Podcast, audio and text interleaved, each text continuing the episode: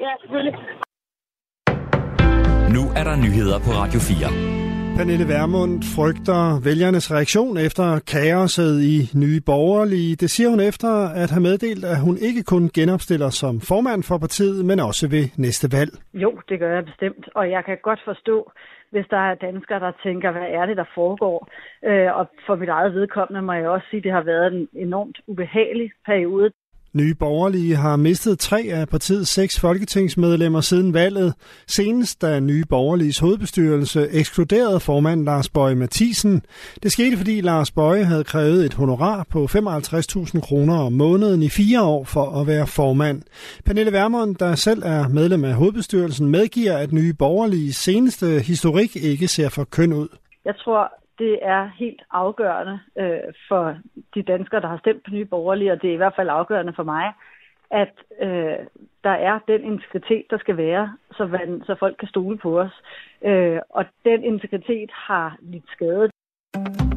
Over 3 millioner gange siden fredag har borgere været forbi skat.dk for at tjekke deres årsopgørelse. Det fortæller underdirektør i Skattestyrelsen Jan Møller Mikkelsen.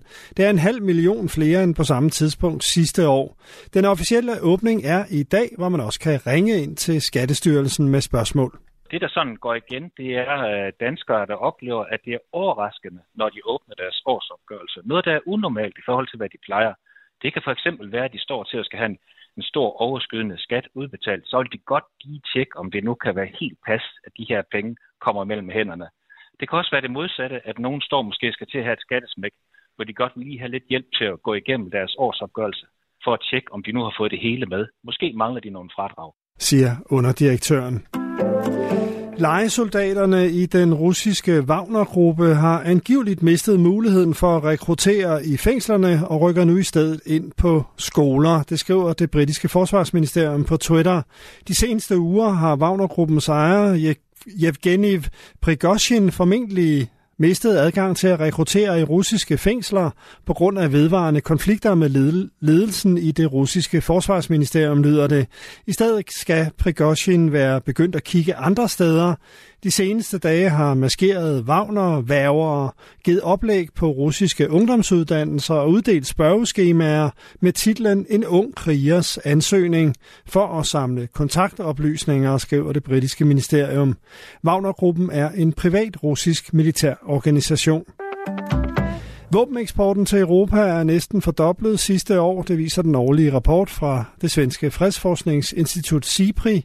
Den viser, at de europæiske lande samlet set har øget deres import af våben med 93 procent i forhold til 2021. Ukraine, der blev angrebet af Rusland den 24. februar sidste år, er nu verdens tredje største våbenimportør. De største er Katar og Indien. Loven om kviklån har haft held med at mindske unges gæld til dyre forbrugslån, viser en analyse fra Finans Danmark. Loven, der blev vedtaget i 2020, sætter et loft over, hvor store årlige omkostninger der må være ved et lån. Og det har fået færre unge til at optage kviklån, siger analysechef i Finans Danmark, Christian Hebøl Hammer. Og så er det i 2021 set et stort fald i antallet af nye lånere. Og der kan helt klart ses en sammenhæng her med kviklånsloven fra 2020, der netop satte et loft over, hvor høje omkostninger der må tages på lån, og dermed de facto satte en stopper for de helt øh, dyre forbrugslån i Danmark. Overskyet med udbredt regn, men i eftermiddag er der mulighed for lidt sol, 7-11 grader, og frisk vind til cooling fra sydvest.